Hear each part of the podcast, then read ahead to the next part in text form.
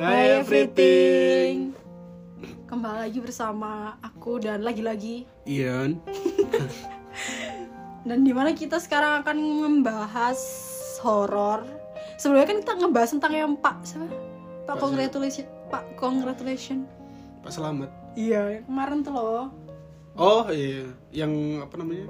Jangan Di desa ya. Iya, pokoknya jangan spoiler kalau ada yang belum dengerin kan Oh, nanti iya. ngedengerin itu kan. Itu sebenarnya bukan horor kan ya, itu kan cuman eksperimen eh eksperimen. Experience. Experience aja. Tapi kalau kali ini juga nggak horor juga sih, tapi kayak lebih apa ya Iya, pesugihan pengal- tuh? pengalaman spiritual lah. Ya pengalaman spiritual tapi yang nggak terjadi sama aku sih, lebih ke lingkunganku gitu, yang aku dengar dulu. Jadi bagaimana jika kita langsung ke ceritanya? Oke, gas. Jadi dulu aku tuh waktu SD punya temen namanya siapa ya? Taruhlah Bella. boleh Bella nah si Bella ini itu dia tuh anak orang kaya Hmm. kaya banget karena dia punya eh, usaha bakso bakar yang terkenal di kotaku Paling terkenal ya. Paling dan super terkenal dulu ih gila sih lu Sampai kalau sekarang coy. iya tapi nggak seramai dulu cok dulu tuh Tapi bener-bener bener- mobil-mobil wah, Masih rame, ini kalau misal turis dari luar Malang ke Malang ya Taunya itu ya, Iya, taunya eh, itu, karena-. Heeh. Legend banget soalnya. Iya benar. Jadi gue tahu eh, cerita background keluarga yang dilihat dia itu. Jadi sebenarnya rumah yang dia pakai usaha itu bukan rumah dia, tapi rumah majikan dia. Karena sebenarnya ibu bapaknya dia itu pembantu di rumah tersebut. Jadi yang Oh. punya rumah itu tuh orang Belanda, asli Belanda. Hmm, Dan terus? orang Belanda ini pasti balik ke negaranya lah, Cok. Dan rumah ini cuma buat singgahan kalau dia ke Indonesia aja. Hmm. Jadi makanya eh, ibu bapaknya ini jadiin rumah ini tuh kayak rumahnya sendiri lah ya kan ditinggal lama. Hmm. Jadi terus dia bikin usaha bakso bakar ini dan enak dan akhirnya ya lumayan ya apa ya lumayan rame lah. Jadi kayak ya udahlah sekalian aja gue bangun di rumah jadi rumah makan gitu kan. Jadi ini sebenarnya tuh bukan rumah dia. Jadi kalau misalkan sewaktu-waktu itu orang Belanda lihat dan nggak terima ya bisa di ini. Iya kalau gak udah tahu tapi share profit gak sih? enggak Hah? nggak tahu. Sampai sekarang? Kalau sekarang udah beda beda tangan, Cok. Ntar ntar ada ceritanya. Nah, terus akhirnya eh, apa namanya? Karena ini jualan bakso bakar tuh super terkenal, akhirnya kan pundi-pundi masuk tuh. Jadilah dia orang kaya banget, Cok. Banget banget banget. Lu tau gak sih dulu SD tuh gue sangu cuman kayak 3000 5000, Cok. Hmm. Dan dia udah 20000 Wah anjing sekelas anak SD lu bayangin dan dia tuh apa ya mungkin karena dia backgroundnya dari orang kecil maksudnya sorry miskin gitu jadi dia tuh royal kamu beli apa di kantin? Aku beliin gitu. Bener-bener dibeliin. Jadi dia tuh geng aku. Oh, eh, berarti orang tuanya Bang Nusa ini sebelum punya anak apa gimana? sesudah punya anak. Tapi pas anaknya umur berapa? Sekitar? sekitar TK gitu. Hmm, berarti mulai udah masuk SD udah kaya ya? iya jadi dia tuh sempat ngerasain susah sama anaknya. Jadi makanya anaknya tahu kalau mending kita bantu yang susah juga kayak teman-teman kayak Hmm, jadi royal gitu iya. loh dia jadi beli beliin teman-temannya. Ya udah ada di situ tuh aduh tiap hari gue panen cok serius. Jadi kayak kamu beli apa? Ini es krim ini jadi di kantin tuh gue bener-bener dibeliin karena dia tahu dulu, dulu duit apa namanya sanggup gue tuh cuma tiga ribu lima ribu gitu. Hmm. jadi dia sering banget beliin. Dan dia tuh royalnya tuh terlalu royal sih menurutku jadi banyak yang manfaatin. Hmm. dan gue sebagai sahabatnya tuh nggak berani kayak gue kan anaknya sungkanan ya jadi kayak nggak mungkin gue minta kayak eh beli ini kan nggak mungkin gue nggak pernah kayak gitu juga. Tapi karena tahu anak ini royal jadi teman-teman yang lain tuh jadi manfaatin kayak beli ini lah beli ini tuh lah gitu. Apalagi yang cowok-cowok. Hmm, Hmm. pada minta-minta cowok yang cowok-cowok. Dimanfaatin. iya dimanfaatin. Dan dia tuh kayak selalu apa ya peka gitu loh. Misalkan gue liatin lip gloss gitu kan waktu ke CFD kan dulu kan ada kayak stand stand gitu kan di CFD du- zaman dulu itu gue liatin lip gloss dia bilang kamu mau beli lip gloss aku beliin ya gitu bener-bener royal banget sumpah Hmm. gue gak akan lupa sama keroyal keroyalannya dia sih terus abis itu eh waktu gue ke rumahnya gue kan diajak apa sih kalau zaman sekarang tuh home tour Hmm. kayak home Kayak keliling rumahnya. Uh, uh, keliling rumahnya gitu kan dan emang sumpah super gede banget dalamnya Rumahnya di mana? ya di Oh di warungnya tempat. Oh di tempat. Itu kan kan luas lingkaran banget itu sih. Iya. bagus banget Iya cok. dan rumahnya temanya tuh kayak bolong tengah kayak donat gitu karena di tengahnya ada taman Hmm, Paham nggak? hmm, hmm, hmm. jadi bentuk kayak donat gitu Hmm. nah terus habis itu dan di situ ada eh, tiga lantai tapi depannya tuh kayak nggak ada eh, nggak ada itunya kan. Tapi di belakang itu tiga lantai. Benar-benar Hmm. tiga lantai. Terus dia tuh bilang ke aku namanya anak kecil ya kayak dia tiba-tiba bilang eh ada satu ruangan yang nggak boleh nggak boleh aku masukin gitu. Oh. Kata siapa nggak boleh masukin? Sama orang tua aku sih nggak boleh dimasukin gitu. Si dia bilang gitu. Eh masuk. Dia bilang dia kayak ngajak aku malah masuk ke ruang penasaran mungkin dia. Heeh, itu. Terus akhirnya ya gue iya iya aja lah. Tapi dia bilang jangan jangan apa jangan berisik ya gitu. Soalnya Oh. di rumahnya dia benar-benar rame karyawan. Lu tau gak sih dia kata karyawannya banyak banget hampir 50 orang. Dan itu full ada yang goreng bawang goreng iya. ada yang apa giniin bakso. Oh rame sumpah rame demi Tuhan rame banget rumahnya. Nah kita tuh masuk ke tempat itu mindik-mindik karena emang rame dan lalu lalang apa karyawan Hmm. dia nah waktu gue masuk itu bener-bener ruangannya beda banget dingin nggak nggak pakai AC seriusan nggak ada AC Hmm. itu ruangannya dingin dari kita nyopot apa sendal kan lantai dari kita nginjak lantai kamarnya itu udah beda Hmm. bener-bener dingin banget su eh, suasananya singup tau gak sih su- eh, ruangan lembab tuh gimana Mhm. tapi lembabnya lembab bersih Iya tahu. Dan kasurnya bener-bener kayak kasur mewah zaman dulu Hmm. King bed tuh. Eh, iya king gitu. bed terus eh, eh, spraynya tuh putih tapi ada renda-rendanya Ah. itu kayak zaman dulu banget kan Iya. tuh emang dan itu ya ada suasana Belandanya sih tapi creepy gitu loh tapi dulu aku nggak mikir kalau itu horor atau apa soalnya kan dulu kan nggak ada pelajaran Belanda Belanda gitu kan Hmm. kayak horor-horor gitu kan belum ada jadi ya udah masuk masuk aja terus tuh bagus kan gitu. Terus, iya gede banget sumpah gede banget. Terus ada lemari apa coklat yang gede banget gitu. Pokoknya ruangannya luas tapi barang-barangnya dikit cuman barang-barang inti kayak apa? Lemari, kasur. lemari kasur sama meja kecil sama sofa. Hmm. terus di sebelahnya itu ternyata ada kamar mandi pribadinya dan ada bathtubnya. Mhm. dan itu gue masuk kayak super super duper dingin. Dan itu tuh bener-bener nggak ada yang gue heran tuh nggak ada AC cok. Tapi Ventilasi beda nggak lembab. Hmm. nggak mungkin kalau ventilasi nggak mungkin lembab sih. Hmm. itu bener-bener nggak ada cahaya sama sekali yang masuk bener-bener dingin. Dan beda banget singup gitu loh. Tapi ya nggak ada rasa apa apa sih waktu itu. Terus ya udah tuh kita keluar. Terus habis itu kita naik ke atas. Di lantai tiga. Soalnya katanya di lantai tiga tuh eh, siapa namanya? Dia kan punya kakak cewek. Dan kakaknya tuh mirip banget sama dia. Tapi jaraknya jauh. Jadi dia tuh masih SD kakaknya tuh udah SMA Oh iya. Atau tuh pelihara cupang di lantai atas Hmm. ada ya udah kita eh, kita lihat cupang yuk di lantai atas iya terus aja waktu aku ke atas ternyata banyak banget kayak apa ya tapi kayak tempatnya orang Bali yang ada bunga-bunga itu tapi bukan Oh. apa namanya? Calang, cawang. Iya nggak tahu ya itu ya pokoknya bentuknya kayak itu tapi lebih lebar Canang.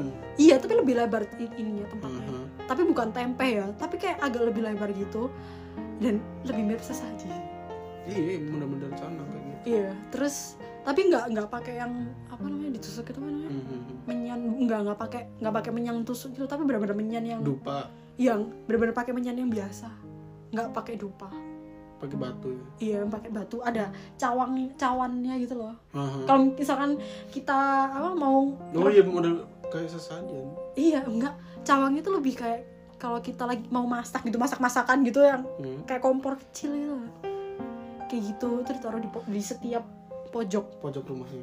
po- sudut atas atapnya itu Hmm. terus waktu kita ketawa naik ke atas belum diteriakin dari bawah Sama? ngapain ke atas nggak boleh turun turun turun gitu sama, Sama- bapaknya Oh, terus. terus ya takut dong masa kan anjing marahin gitu kan Hmm. terus dulu SD belum belum mikir yang gimana gimana kan tentang si cawan-cawan ini. Terus akhirnya ya udah turun dimarahin lah tuh ya sorry ya apa si temanku nih bilang sorry ya kalau misalkan emang di situ sebenarnya nggak boleh cuman kan kita cuma pengen lihat cupang gitu kan Hmm. dan di waktu gede gue baru sadar kalau ternyata itu memang Hmm. ada ceritanya gitu terus waktu itu eh dulu tuh masih jadi di rumahku tuh di depan rumahku tuh ada suatu usaha gorengan Hmm. itu yang juga lumayan terkenal kan Hmm. dulu tuh dulu dulu lebih rame daripada sekarang bener-bener dulu tuh rame dan terkenal banget karena gorengan itu murah enak gitu Enak. menurut mereka terus habis itu ya udah eh, apa namanya usut punya usut ternyata si orang tua anaknya temanku SD sama orang tuanya temanku yang jualan gorengan. Jadi yang anaknya yang jualan gorengan ini temanku juga tapi beda SD tapi kita masih satu tempat satu daerah jadi kan kenal. Mhm. terus eh, apa ternyata orang tua mereka tuh sama-sama kenal gitu loh. Dan si anaknya yang jual gorengan tuh sering banget main ke rumahnya si Bella ini. Hmm. jadi kita sering teleponan. Dulu kan telepon rumah kan. Jadi gue dulu sering ditelepon sama mereka. Hmm. kamu nggak main ke sini ya? Ini loh aku sama si anaknya. Kita sebut aja anaknya yang punya gorengan ini. Dewi Dewi. Dewi gitu deh aku lagi sama Dewi gitu kan. Aku iri soalnya nggak ada yang nganterin dulu. Hmm. nggak ada yang nganterin ke rumahnya. Heeh, terus aneh ya udahlah gitu kan. Kayak pamer kan tapi namanya anak itu kayak ya udah gitu. Terus usut punya usut ternyata eh, apa namanya semua yang mereka dapatkan itu si eh, apa yang namanya yang punya gorengan itu juga kaya raya setelah itu. Dia bangun kos kosan bahkan sebenarnya kan dia rumahnya di kampung kan. Kan kiri ya tetangganya dia itu dibeli paksa secara paksa supaya rumahnya jadi gede. Hmm. kan jadi sebelah sebelahnya itu dibeli semuanya. Hmm. karena karena nggak ada yang mau akhirnya gimana eh, di apa ya? Didukunin supaya mau gitu loh. Oh. tiba-tiba kayak ya udah gitu. Iya. akhirnya ya anjing itu agak freak juga sih. Tapi ya itu emang kenyataannya. Ya bayangin rumah sendiri tiba-tiba pengen dijual kan nggak mungkin kalau nggak ada alasannya tapi tiba-tiba nih orang ini tuh mau kanan kiri. Dan nggak cuman kanan kiri aja empat rumah cok. Empat rumah anjing. Tiba-tiba iya. Lah kan aneh. Ya harusnya kan aduh nggak masuk akal sih itu. Dan akhirnya dibeli dong dengan harga ya emang wajar sih harganya. Hmm. tapi yang nggak wajar tuh ya kenapa mau semua ini loh. Dan harganya aja nggak naik kok. Harusnya kan kalau misalkan dia nggak mau kan dinaikin dulu. Hmm. Baru mau itu baru gue percaya. Karena emang harganya mahal lebih mahal dari yang dia beli sebelumnya kan. Tapi ini enggak gila. Terus eh, ada saudara dia. Kita bahas si gorengan ini dulu ya. Ada saudara dia dari apa dia tuh orang Madura. Dari mana sih? Probolinggo eh bukan. Apa ya tempatnya ya? Bukan bukan bukan. Pokoknya di apa namanya?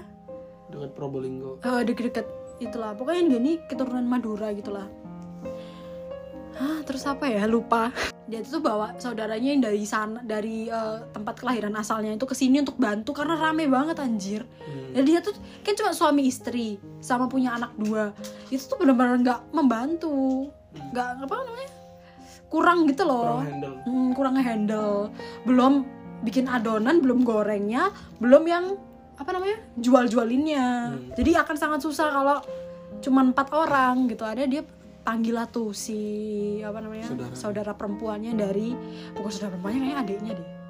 Adiknya yang paling kecil. Hmm. adiknya ibunya yang paling kecil. Terus suruh ke sini untuk ngebantuin ini. Karena kebetulan adiknya yang paling kecil tuh belum nikah dan belum punya pekerjaan. Jadi dia kerjain gitu loh. Dia, dia kasih kerjaan nanti dikasih duit gitu loh sama bantu bantu itu. Oke ya udahlah tuh si mbak itu tuh ke sini gitu. Terus dan setiap mbaknya ke sini tuh mbaknya tuh aneh banget. Setiap dia istirahat itu hp-an terus di depan rumahku. Kan deket kan sama gorengan. Di Hmm. apa sih ayunan depan. Hmm, hmm, hmm. HP-an terus. Ternyata tuh bucin cok. Teleponan sama ayangnya yang ada di sana gitu. Bucin. Terus katanya tuh mau nikah. Jadi makanya lagi mesra-mesranya lah gitu. Lagi intim-intimnya gitu dan gue denger kok karena kan telepon nggak bisa nggak bisa gitu kan. Jadi pasti aku suaranya nggak kencang jadi kalau kita lewat tuh udah pasti denger lah. Nah pada suatu hari nggak tahu apa masalahnya. Tiba-tiba si anak ini tuh cekcok sama keluarga ini. Saudaranya Eh, saudaranya ini tiba-tiba cekcok. Dan akhirnya karena si anak itu dendam entah apa yang bikin cekcok aku juga kurang tahu ya masalahnya apa. Disebarin lah rahasia rahasianya si tukang gorengan ini Anjing. walaupun Terus? saudaranya sendiri. Hmm. katanya dia itu ke- kerja 24 jam kayak ngaduk apa namanya? Ada ngaduk tepung. Dan karena ngaduk tepung itu pakai tangan eh, apa namanya? Capek pakai kaki. Sumpah? Dia bilangnya kan dia yang tapi ngurusin dia sampai sekarang kan? Nggak tahu. Anjing gue barusan beli. Emang itu kesukaan kita semua sih. Iya. tapi kalau aku sih jarang. Terus itu benar-benar pakai kaki dia tuh bilang benar-benar ke warga gitu loh. Kalau dia tuh bikinnya tuh pakai kaki ngaduk. Semuanya ngaduk apa? Kan itu kan bikin tepungnya kan banyak, ya Banyak, emang, iya. emang capek cuy sumpah. Emang kalau pakai tangan capek jujur. Terus jadi dia tuh injek pakai kaki. Dan bener aja cok ketika ada satu warga yang lewat di depan rumahnya mereka ini dan pakai kaki. Gimana dia duduk kayak gini gini langsung gini gini kayak dia ngayunin gitu ya iya iya iya emang gitu. eh, emang ngaduk itu. Wah anjing. Itu ada salah satu warga yang lihat. Terus abis itu oh iya aku lupa. Aduh anjing. Tetangganya dia itu kan eh, ada punya anak cowok sama cewek. Tetangganya nih yang punya gorengan ya. Punya anak cowok sama cewek. Nah si anak cowoknya ini nganggur dan dikerjain juga. Dikasih Suruh ker- kerja. eh, suruh kerja juga sama si gorengan ini. Karena sumpah guys ini gue nggak bohong. Emang rame serame itu. Dulu tuh serame itu cowok sampai mereka tuh punya seragam sendiri. Kalau kalau hari Rabu pakai kuning atau apa kalau hari Selasa pakai ungu bener-bener ada seragamnya cowok proper gitu ya? Iya karena mereka ngerasa udah kaya udah Hmm, hmm. maju. Sampai itu kan yang depan tuh kan pos kan harusnya. Pos Oh, warga itu iya. dibeli buat mereka. Gila. Itu bener-bener mereka tuh udah kaya banget dan emang rame. Makanya mereka sampai nggak ada masuk masukin orang supaya ngebantu tuh karena mereka udah kaya sampai beli rumah lah beli truk apa beli motor truk empat karena satu keluarga tuh hobinya ngetril. Anjing bener-bener ya emang kaya sih. Terus nah si cowok ini itu kerja lah tuh di situ. Nah eh, setiap malam eh setiap malam iya setiap malam Jumat si cowok ini sebut saja namanya Rio ya. Hmm. anak tetangganya yang cowok ini. Itu tuh disuruh eh, nganuin sesajen kayak nyiapin sesajen. Ngapain ini buat ditaruh di atas apa ya kayak yang tadi temen gue yang Bella itu Hmm. taruh di atas apa atap rumahnya itu setiap hari Jum, eh, malam Jumat Bang, gitu. Ya nggak tahu ya konteksnya apa kan aku juga nggak tahu kan. Terus si Rio ini cerita memang ke bapak ibunya hmm. emang gue disuruh kayak gitu tapi dalam konteks lain bapak ibunya kayak ya udahlah orang bukan bukan urusanmu yang penting kamu tuh digaji dan emang gajinya gede cok jadi kayak Hmm. ya udahlah lakuin aja maksudnya kan yang penting bukan urusanmu gitu loh kita kan cuman ngejalanin aja gitu terus akhirnya setiap itu pokoknya Hmm, setiap hari itu. Heeh. terus setelah makin lama makin lama eh, yang aku denger dan emang warga sudah pada tahu itu tiap malam Jumat setelah eh, si Rio ngasih itu itu pakai nampan sih. Hmm. eh, itunya. Apa namanya? Kemenyannya itu itu anaknya yang perempuan temanku. Yang Hmm. siapa? Dewi itu. Si Dewi. Heeh, itu tuh selalu kesurupan. Setiap nampan itu udah selesai ditaruh langsung kesurupan. Dan entah itu kesurupan apa selalu kesurupannya beda-beda. Bener-bener teriak-teriak. Ya namanya teriak-teriak tetangga juga tahu kali. Ada nyebar lah tuh ke ibu-ibu yang lain sampai ke ibu-ibuku. Itu bener-bener real anjir. Coba kalau kita ngobrol sama mamaku udah pasti makin panjang. Karena emang beneran cok. Itu bener-bener kesurupan berkali-kali. Terus akhirnya eh, pokoknya setiap hari itulah malam Jumat itu selalu kesurupan. Dan gak lama kemudian setelah enam bulan kerja si Rio ini tiba-tiba meninggal sakit. Iya? iya. Meninggal sakit bener-bener meninggal. Terus kan si Rio kan aku tadi bilang kan si tetangganya ini kan punya anak cowok sama cewek. Hmm. dan yang cewek ini tuh tiap hari tuh di, dimimpiin si Rio ini minta tolong dalam keadaan dia di atas keranda melayang minta tolong. Anjing. Dan minta tolong kayak tolongin kakak turunin kakak gitu. Hmm. kan dia di atas keranda kayak melayang-layang di depan Hmm. rumah si yang jual gorengan ini. terus? Itu adiknya yang cerita dimimpiin tiap hari tiap hari kakaknya minta tolong. Artinya setelah apa namanya eh, apa namanya ya tujuh harian 40 harian kayak gitu gitu kan udah udah selesai kan. Itu ada diadakan selamatan lagi supaya nolongin si ini si Rio ini yang tiap hari ada di mimpi adiknya ini loh. Hmm. dan adiknya ini bukan anak kecil loh. Dia tuh lebih tua dari aku. Jadi si, si Rio ini umurnya sekitaran kayak 20-an adiknya tuh sekitar umur 12-an dan aku sekitar umur berapa gitu waktu SD gitu. Hmm. Kan belum 12 kan tuh kayaknya umur berapa? 10 10. pokoknya dia lebih tua jadi kan nggak mungkin bohong anjir. Hmm. mimpi-mimpi kayak gitu.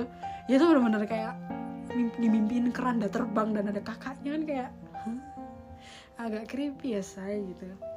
Terus akhirnya karena si apa namanya terbongkar lagi lah tuh. S- dibongkar lagi lah sama si saudaranya ini loh yang benci sama dia nggak tahu kenapa masalahnya oh yang cekcok tadi. Eh, itu dibongkar lagi kalau itu memang mereka pesugihan sistemnya pesugihan.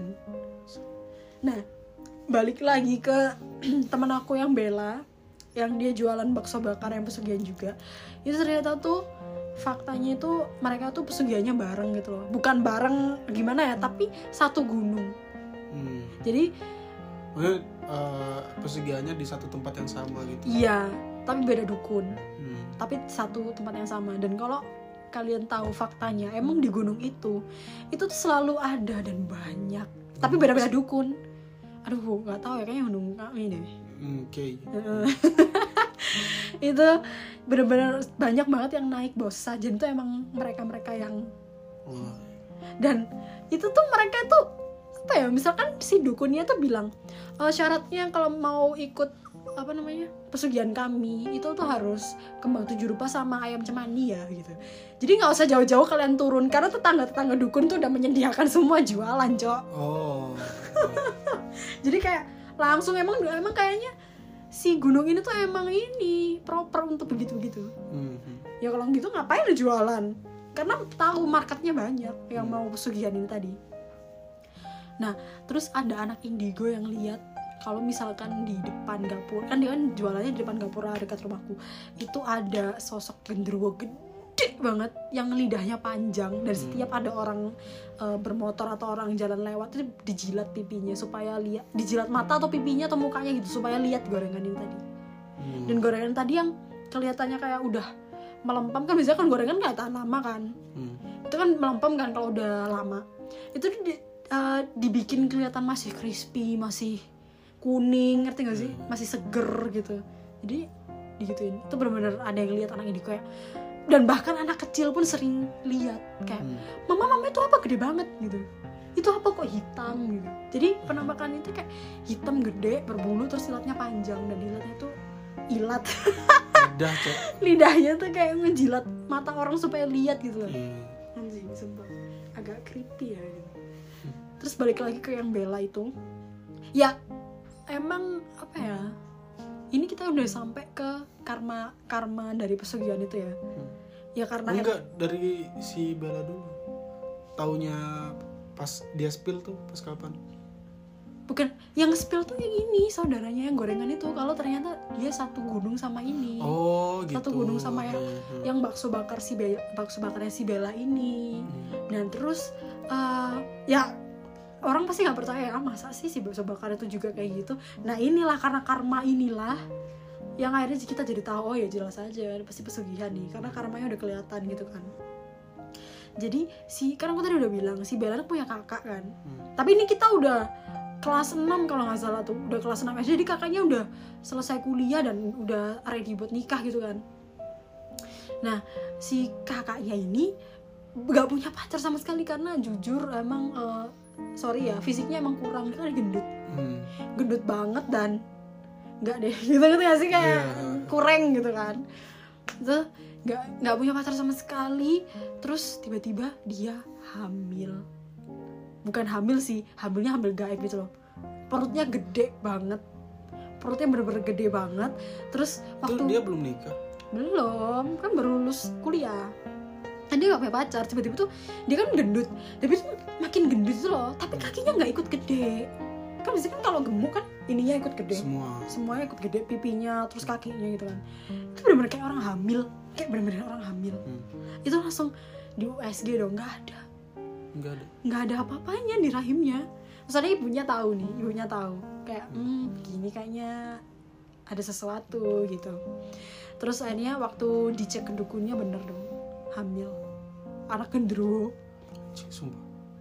dan itu eh, kenapa anaknya anak ini di apa namanya dihamilin? Karena ibunya telat apa gitu. Oh. nggak ke gunung lupa ke gunung atau apa bukan karena telat sesaji tapi nggak ke gunungnya Hmm. telat ngasih apa gitu ke gunungnya. Wajib tapi emang kan namanya oksigen kan agak lalai ya. Misalnya kita udah lupa kita udah kaya terus kita mau ke gunung kayak mager ngerti gak sih? Hmm. jadi kayak ada lala, lalainya gitu loh. Dan itu impactnya ke anaknya ini. Jadi anaknya tiba-tiba hamil yang gede banget ternyata isinya anaknya. Hmm. itu jadi mau nggak mau harus dilahirkan secara goib sama dukunnya itu. Dan itu bener-bener dia tiap malam nangis karena sakit cok katanya. Sih. terus nggak cuman itu. Maksudnya penderitaan kakaknya tuh nggak cuman itu aja anjing. Setelah ber, eh, tahun-tahun berlalu ka- eh, kakinya tuh tiba-tiba kayak membengkak gede. Hmm. gede sebelah. Dan tahu nggak di sisinya tuyul. Anjing sumpah. anjing iya. Jadi ini kan apa kaki kan terus gede gitu. Hmm. jadi bukan ya kayak hamil gitu tapi bukan hamil. Tapi emang di dalam kulitnya ini gitu. ada tuyulnya. Wah itu nggak tahu itu katanya ya itu akibat dari kelalaian kelalaian ibunya gitu. Terus nggak lama kemudian bapaknya meninggal. Hmm. saya nggak tahu kenapa. Dan itu bikin orang-orang kaget dong kayak "Hah? orang orangnya tuh nggak apa-apa ngerti nggak sih? Kayak oh ya kemarin masih ketemu terus ketemu di pasar. Orang-orang itu masih kayak ya masih ketemu orangnya tuh nggak apa-apa. Kok tiba-tiba ada kabar meninggal. Hmm. terus tanya sakit apa? Nggak tahu kayaknya serangan jantung nggak mungkin sih kayaknya. Tapi bisa aja. Iya sih kayak- tapi nggak ada riwayat jantung kayak kayak emang alasan ibunya supaya kematiannya ini Ya positif thinkingnya mungkin Iya. beneran ini terus. anjing tapi kayak nggak mungkin banget sih gitu tiba-tiba meninggal gitu terus eh, si kakaknya kan udah udah tua banget kan maksudnya udah memang harusnya waktunya untuk menikah nggak ada yang mau karena emang ditutup auranya Hmm. sama hantu-hantu di situ. Nggak tahu ya hantu-hantu atau apa ya itu ya. Terus makin lama makin lama karena mungkin udah nggak ada yang bisa ditumbalin kan itu jadi ini cok. Jadi apa? Bangkrut gitu loh. Si temanku ini si Bella ini sakit-sakitan. Bener-bener sakit-sakitan. Dia kan gemuk kan sama kayak kakaknya. Hmm. nggak banget itulah gemuk gitu. Jadi kurus abis kurus ebis yang kurusnya tuh kayak kok orang sakit gitu loh Oh iya kurs keren gitu. Iya. Hmm. Terus ibunya kayak bingung kan, kan takutnya anaknya jadi tumbal setelah bapaknya. Akhirnya dihentikan tuh. Si... Oh yang yang bapaknya meninggal tuh si Bella. Iya. Kan kita ceritain si Bella, Cok, si Bakso.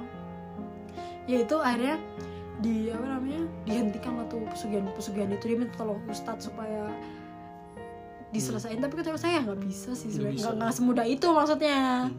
terus akhirnya eh, nggak tahu gimana ceritanya gue udah lost kontak karena dia juga pindah rumah dia langsung ninggalin semua itu loh jadi Hmm. akhirnya si eh, tempat bakso ini itu dibeli sama anaknya si anak Belanda ini karena tahu kan udah punya nama Hah? terus udah ada tempatnya maksudnya udah dibangun dan lain-lain jadi si anaknya tinggal nerusin aja Oh gitu. pakai resepnya si ibunya ini Hmm. karena udah ikhlas karena ya daripada anaknya kenapa-napa coy Iya, iya. akhirnya ya udahlah udahlah ini gue balikin aja kalau misalkan tapi di, dikasih pilihan gini ini mau jadiin rumah atau mau tetap bakso kan bisa kan kayak ya udah nggak usah usaha tetap jadi rumah gitu kan rumah lo yang kayak dulu gitu kan tapi karena lihat kayak wah kayaknya rame juga nih nih bakso nih hanya Hmm. dibeli satu itunya juga satu resepnya juga sama resepnya sama semua main sama karyawannya langsung dibeli langsung gitu loh Oh iya.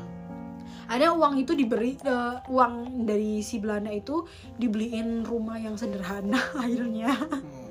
Sumpah dia masih di sini loh. Iya. di daerah sini tapi kayak di di daerah-daerah sana lah.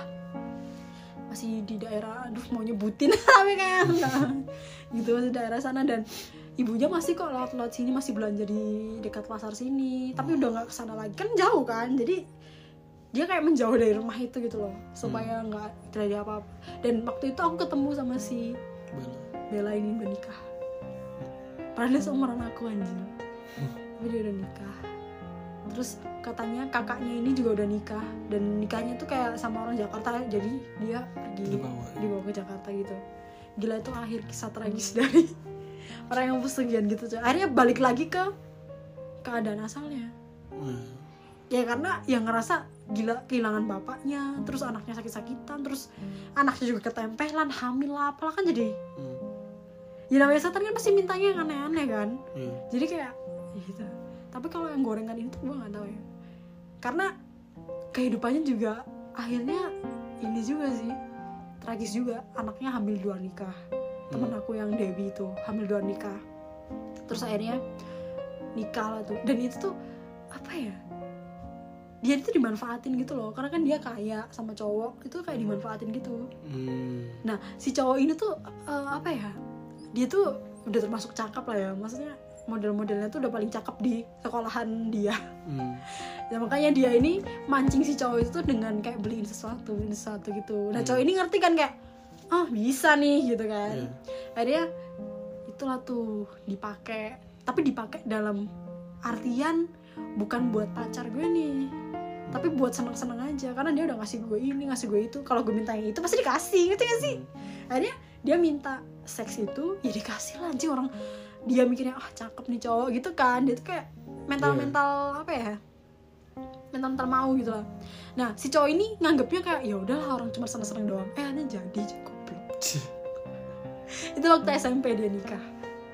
Kayak goblok gitu lah anjing. Ya kalau buat seneng-seneng ya tapi SMP sih kayak ya nggak ini sih. Masih belum ada edukasi ya kondom-kondom gitu. Jadi kayak ya udah. Akhirnya nikah. Dan nikahnya juga kayak orang tolol. Jadi si cewek ini kayak orang tolol gitu Hmm? kayak kan dia tahu dia hamil nih. Hmm. terus dia tuh nikah. Terus dia bilang gini aduh aku pengen deh ngundang teman-temanku sama guru-guruku. Anjing sumpah. bener dia ngomong gitu anjir. Waktu apa sih kalau di di Jawa tuh waktu biodo? Waktu bantu-bantu. iya waktu bantu-bantu gitu. Dia ngomong gitu di depan orang-orang. Aku pengen ngundang teman-temanku guru-guruku gitu. Dengan bangganya. dan dalam keadaan dia hamil 6 bulan. Kayak itu udah gede banget anjir ya kalau masih satu dua bulan dua bulan kayak ya udah oke lah ya gitu kan nggak kelihatan. Ya kalau enam bulan ya udah mau fotonya Udah gimana? banget, anjir. jadi foto dia tuh foto apa pernikahan tuh pakai kipas gitu tutupin perutnya. Oh. kayak life hack gitu anjir. Biar nggak kelihatan kan kalau gini kan kayak nggak kelihatan hamil kalau dibuka kan kayak kelihatan. Tapi tetap aja dan itu rame eh, apa di rame-rame kan kaya cok. Masih Iya sih. kaya bener-bener di satu gang sana itu yang biasanya lo beli minum Hmm. itu di stop itu bener sepanjang itu. Dangdutan dangdut tiga hari. Gila kayak oke gitu. Terus kakaknya kan dia punya kakak cewek kan. Hmm. dan dia nikah duluan kan dia ya iyalah dia hamil duluan kan akhirnya kakaknya nikah. Habis itu punya anak. Nah pas hari raya itu aku sama mama aku tuh silaturahmi lah ke rumah dia terus aku lihat bayinya Hmm. gimana ya sebenarnya aku nggak ngatain atau apa ya tapi beda banget Cok. Beda banget terus kayak sama anaknya si Dewi Hmm. si anaknya si Dewi tuh lucu karena emang kayak anak hasil nikah muda tuh nulis lucu anjir jujur Hmm. kayak anaknya temen-temen lucu tapi yang kakaknya ini wah gue baru lihat kayak ini bayi tapi hitam Hasil ini kali apa namanya? Hasil Eh, apa namanya? Yang lahirnya ini sesar. enggak sesar normal Kalau sesar kan dilampuin bayinya biar ini. enggak dia benar-benar kulitnya hitam beda sama ibunya dan kakaknya ini putih kok putih tapi rambutnya keriting tapi ya enggak maksudnya kakaknya hitam dan suaminya enggak enggak hitam tapi anaknya benar-benar hitam legem gitu Kok bisa? ya? Jadi biasanya kan mama aku kalau ada bayi kan kayak cium-cium gitu kan. Ini enggak. Makanya aku kayak aku pengen julid itu langsung. Kan aku orangnya julid banget. Aku cuman gitu kan. Baru pas pulang "Hmm, kenapa nggak dicium mah gitu kan.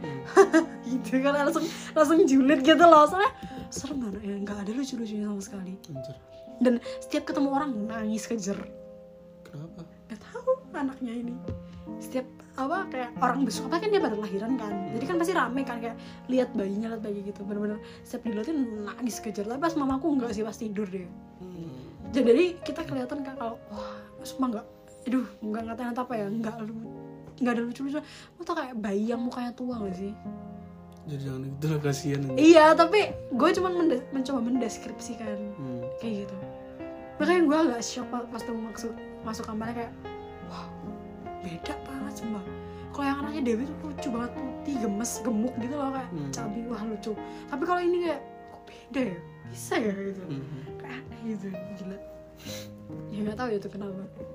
Tapi bener ceritain tuh nggak gue buat-buat sama sekali karena emang beneran di di tempatku ini lingkungannya bener-bener rame ngomongin mereka. Beda ini kan tapi beda gang. Iya, cuman kan ya cepet lah kalau gitu-gitu itu Iya sih. berita-berita gitu tuh pesugihan-pesugihan itu. Tapi yang sampai sekarang bertahan sih si gorengan ini sih nggak tahu itu sekarang pesugihan atau enggak nggak tahu. Tapi yang pasti anak indigo bisa lihat lah. Kalau misalnya gitu gitu kan. Kalau gitu nggak bisa lihat kan. Yang penting kepengen ya beli. Iya. kalau nggak kepengen ya enggak juga gitu. murah enak juga iya dia emang dulu paling murah karena yang lainnya udah pada 2003 dia masih 500 kan Iya. terus sekarang dia jadi ikutan naik juga harganya dan untuk rasa sih ya standar gorengan sih menurutku nggak tahu sih aku cuma makan gorengan dari dia doang. Iya pokoknya ya standar sih. Ya gorengan di mana mana juga rasanya juga kayak gitu. Cuman di dia nggak tahu ya kenapa lebih rame. Dan orang tuh nggak pernah tuh beli kayak 5000 ribu pasti kayak langsung 20 ribu 20, satu iya. kresek satu kresek. Dan setelah itu dan kayak itu pun bener-bener legend cok. Dulu eh, ingat gak pas aku sama temanku si Andika? Ah, yang langsung teman kampusku ah, iya, iya, itu kan kan eh, ini kan aku sama dia beli gorengan dulu kan di dia tuh kan terus ketemu ini cok temen eh, ibu dari temennya dia dan orang bukan orang Malang tapi emang kalau belanja gorengan di sana semua hmm, iya. emang benar-benar terkenal Iya, dulu dulu lebih terkenal malah. Dulu lebih rame anjir, bener rame total. Sekarang udah dihandle mereka sendiri, keluarganya sendiri. Hmm. Kalau dulu masih pakai karyawan-karyawan bajunya beda-beda. Wah. Gila sih. Tapi sekarang udah nggak terlalu. Tapi nggak tahu ya mau pesugihan atau nggak tahu. Hanya anak indigo yang bisa lihat. Kita, kita sih Bismillah aja sih. Kalau mau beli so. Karena soalnya katanya tuh bisa berdampak sama kesehatan kita sih. Kurang Walaupun tahu itu deh. gaib. Aku tahu ini Tapi- karena dengerin Om Hao aja sih. meskipun apa ya semua itu kalau berhubungan sama yang bukan sama Tuhan pasti bakalan ini bakalan tragis akhirnya Iya.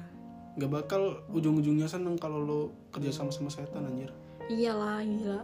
Dikasih seneng kan cuma sesaat doang. susah doang Enggak, maksudnya makanan kita makan itu loh. hmm. Katanya itu berakibat sama Nggak kesehatan kita. Ya kayak kita makan uang haram. Itu akan beraki- di darah kita tuh udah ngalir haram. Itu kata agama kayak gitu. Terus kata Om Hao kalau kita makan. Tahu Om Hao gak sih? Hmm. Kisah Tanah Jawa. Itu kan aku sering banget dengerin podcastnya dia. Nah itu tuh dia bilang kalau misalkan kita makan hasil kayak gitu tanpa bismillah ya. Kalau pakai bismillah tuh bersih yo. Hmm. bener-bener bersih kayak nggak ada misalkan diludahin pocong atau apalah Hmm. itu tuh langsung jadi penyakit sama kita itu tadi. Entah sakit perut entah jadi apa entah jadi apa lambung lah apa gitu gitu tapi kalau kita baca baca Bismillah bener-bener nggak jadi. Penyakit sama sekali. Ya itu makanya sangat sangat penting banget mengucap doa sebelum makan itu tadi. Tapi kan kita sering lupa ya jadi nggak tahu. Karena kita kan langsung lihat baru langsung lap lap lap iya habis. Cak. ya itu nggak tahu sih anjir dan kita juga nggak bisa bedain coy gitu-gitu susah tau. Bedain apa? Kalau itu pakai apa enggak? Iya gitu. Pokoknya katanya enak ya datang oh dulu pernah si Budi itu kan? Temen kita. Apa tuh? Yang beli nasgor di perempatan ini loh. Oh. Ti. dan yang bener-bener enak. rame. Bukan. Dia kan eh, penasaran kan si Budi. Terus dia beli gara-gara emang rame banget kan di sana. Dibawa pulang. Gak enak anjir. Iya nggak enak. Heeh. iya sih. Terus katanya emang pesugihan. Dan bener pernah lihat videonya Dono yang ini gak? Bondowani tentang pesugihan. Heeh. dan itu bener-bener kayak yang di video yang tempatnya gak ada lampunya Oh, tapi iya. gitu kan. Karena ada ada pantangan-pantangannya juga ada kan? pantangannya. Ya, itu sih yang gue kurang tahu sih kalau tentang pesugihan kayak gitu-gitu anjir. Tapi gue ngalamin sendiri bukan ngalamin sendiri ya kayak lihat lingkungan gue yang pesugihan emang nggak berakhir bagus. Walaupun gue masih belum tahu sih endingnya si gorengan kayak gimana. Atau mungkin mereka udah berhenti mungkin. Semoga aja sih. Karena masih ada konsumsi ya. Jadi kayak agak horor gitu. Kalau ada, ada ada anak kecil tiba-tiba itu apa? Malah males. malas banget anjing. Males. Hmm, mending kamu diam gitu kan. Tapi kan anak kecil kayak kok itu kepala siapa? Hmm, bapaknya lah. Gila le. Tiba-tiba anak kecil kayak gitu. Bayangin lu disuruh jagain ponakan lu tiba-tiba ponakan lu bilang itu apa kak? Apa kok kepala? Hmm, Hmm. nggak males juga ya. Oh itu kepala charger nak kok ada matanya? Wah kok ada rambutnya gitu kan jadi kayak MLB banget males banget. Eh, MBL anjing. Ini anak kecil emang agak brengsek. Ya udah segitu dulu podcast kali ini. Semoga sumpah cok. Serem banget gitu iya. Gue jadi malas pulang tai nggak nggak ada horornya sih. Cuman ya creepy aja gitu. Dan kita benar-benar literally ceritanya di tempatnya. Deket tempatnya. Dekat tempatnya gitu. Tapi ya semoga enggak sih emang nggak ada hantunya cuman ada anjing iya sih. Tapi kan hantunya nggak serem gitu. Kayak pocica itu kan yang ngeludah-ngeludah kan brengsek sih kalau itu. Tapi pocong itu kata Om Hao nih ya itu dia tuh bener-bener setan yang nggak bisa ngapa-ngapain. Hmm. ngerti gak sih? Kayak dia tuh nggak bakal bisa kabur nggak bakal bisa apa. Jadi kalau dia sekali dibudak sama orang ya udah nurut terus dia nggak bisa ke mana-mana dia kesiksa. Ya udah karena aku sama Ian makin malam nih makin ketakutan. Jadi kita tuh tag jam 21.40 guys. Jadi kayak agak merinding juga kan dan aku tuh di rumah sendirian anjing. Emang Ian asu. Ya udahlah daripada kita makin ketakutan eh, see you in next episode. Dadah. Dadah. Bye everything. Bye.